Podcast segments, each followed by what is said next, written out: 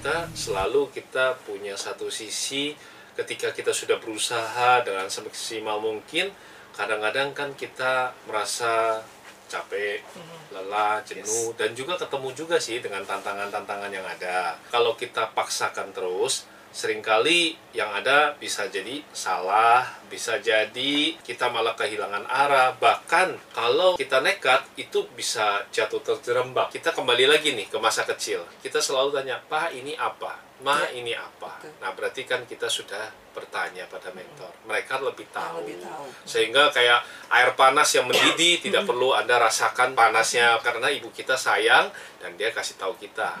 Sehingga kita bisa terhindari dibanding kalau kayak ibaratnya anak yatim piatu, maka dia jangankan merasakan kasih sayang untuk mendapatkan mentoring seperti ini, mereka harus mengalami yang namanya proses kehidupan. Belajarnya di sekolah kehidupan. Kayak saya pernah mengalami posisi sebagai yatim, misalnya kurang setoran, pensil ditancapkan ke tangan lalu dipatahkan di dalam. Nah, itu kan apakah teman-teman perlu merasakan? Tapi kalau buat teman-teman sales yang nggak pernah ngalamin seperti ini, ya kadang-kadang mereka ogah-ogahan untuk memaksimalkan kemampuannya. Padahal kan kalau kita punya satu ketakutan, wah besok saya kalau setorannya kurang akan ditusuk dan sebagainya, membuat kita terpacu. Akhirnya apa? Kesuksesan menjadi lebih cepat. Tapi perlu nggak teman-teman mengalami? Saya rasa nggak perlu. Cukup tanya mentor. Ah, Kurang lebih sebenarnya sebelum tanya mentor ini ada sebuah wadah, saya adalah ketua umumnya, itu billionaire mindset.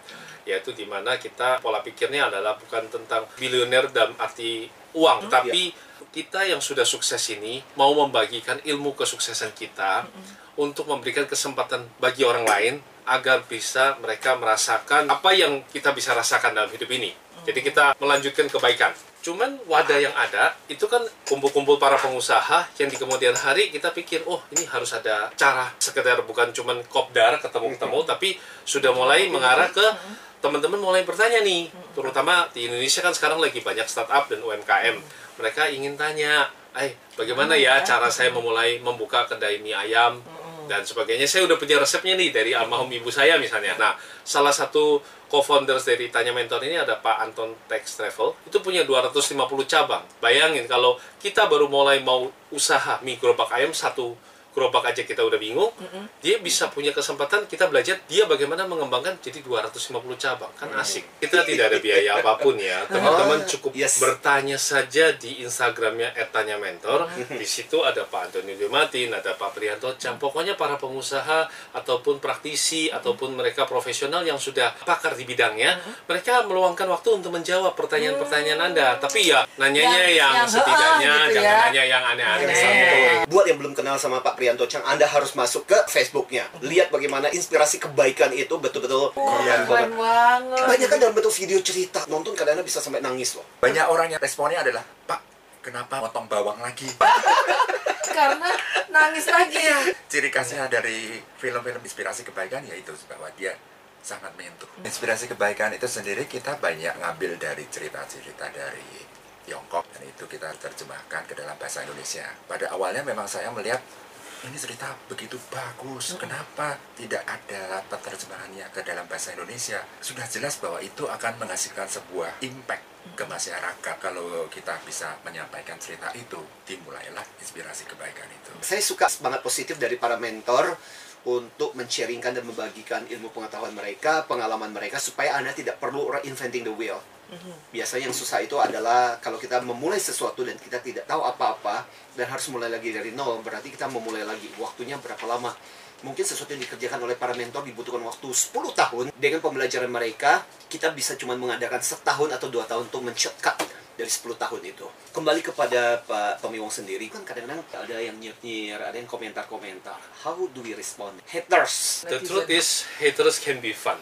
Yes. Di dalam media sosial kita itu, mau Instagram, mau itu apa pun, YouTube Yes. dan sebagainya, mereka tidak melihat percakapan di dalam. Mhm. Tetapi mereka ibaratnya memperhatikan traffic yang terjadi. Hmm. Ketika haters itu menyerang kita, Iya. apa pun yang dikerjakan kita, kita melihat frame-nya dari sisi positif aja. Berarti Iya. satu, dia perhatian banget sama Betul. kita. Thank you, perhatian banget. Iya. Mulai dari rambut sampai sepatu. Iya. Yang kedua, dia akan memperbaiki kita. Jadi Mhm. kita tahu di mana kelemahan kita, kekurangan kita. Karena Yes. fans itu biasanya hanya memuji, tetapi mereka lupa bahwa kita pun manusia yang butuh disempurnakan. Maka Mhm. haters akan menjadi ibaratnya kalau kita itu pisau dia adalah penggosok supaya kita lebih tajam. Oke. Yang ketiga, ketika banyak sekali terjadi interaksi serangan dan sebagainya, kalau Anda bisa memaknai itu dari sisi positif, Mhm. maka itu membuat algoritma Anda tinggi. Hmm. Dan itu akan membuat YouTube you lebih sering di-share oleh pihak YouTube, Instagramnya juga jadi lebih muncul di mana-mana. Buat saya sih haters can be fun. Eh, Pak Pri, bagaimana Anda menyikapi mereka-mereka yang bersikap nyinir, bersikap negatif terhadap konten-konten yang positif yang dibangun? Padahal namanya inspirasi kebaikan. Nah, tetap ada. Kita menyikapinya ya sama saja seperti Pak Tommy. Bahwa itu adalah sebuah kebaikan juga dari mereka. Mereka benar-benar memperhatikan kita loh. Betul ya.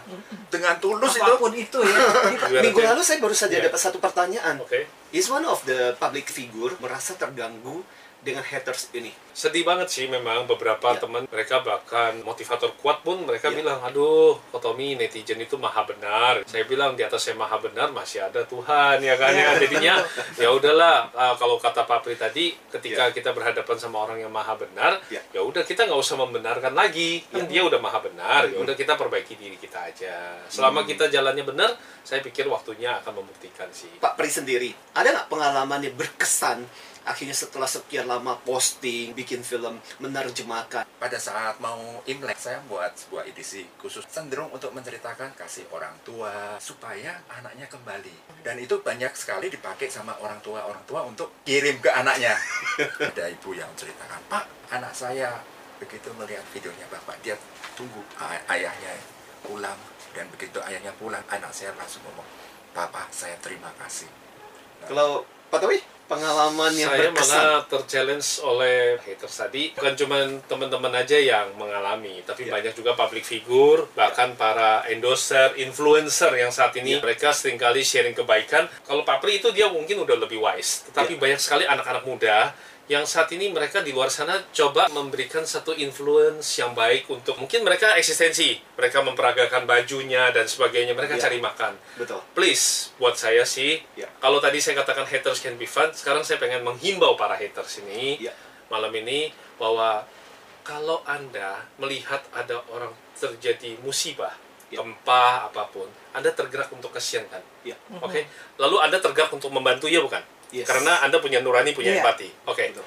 bisa menolong berapa banyak kalau tidak punya uang yang banyak, tidak punya tenaga yang banyak, Ya. Maka berbuat kebaikan itu setidaknya jangan melukai. Kalau yang terima itu Pak Prianto, Cang, dia kan Ya. Tai Chi Master, dia bisa Betul. ubah Menjadi yang positif, apa yang Ya. negatif jadi positif. Betul. Tapi kalau sekarang yang terima itu anak-anak muda yang baru mereka tercerahkan, mereka dapat inspirasi dari ustadz ataupun dari Ya. gereja, mereka baru sharingkan suatu kebaikan. Tiba-tiba kalian hujat, kalian hajar, dan dia nggak punya kesempatan lagi untuk melakukan sesuatu.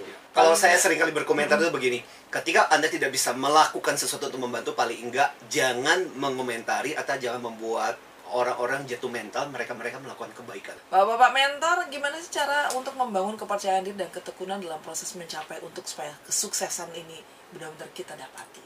Pertama ya pasti bertanya pada diri kita sendiri dulu. Cara mudahnya nih, menangkan dulu di dalam. Sudah tahu di dunia luar sana banyak orang yang bisa menghina kita dan sebagainya. Setidaknya dirimu jangan menghina dirimu. Jadi kita dengan konflik batin ini kita harus bisa atasi dulu. Kemudian memenangkan pikiran kita. Jadi apa yang mau kita tuju itu mesti kita bisa terarah dulu. Sudah menang di batin, menang di pikiran, maka pasti menang di kehidupan. Ya. Berbuatlah kebaikan karena kebaikan itu indah. Dan Wis. sebenarnya kebaikan itu sederhana. Wow. kalau Anda sibuk melihat salah dan juga mencari benci, Yes. maka Anda tidak punya waktu menikmati cinta di dunia ini.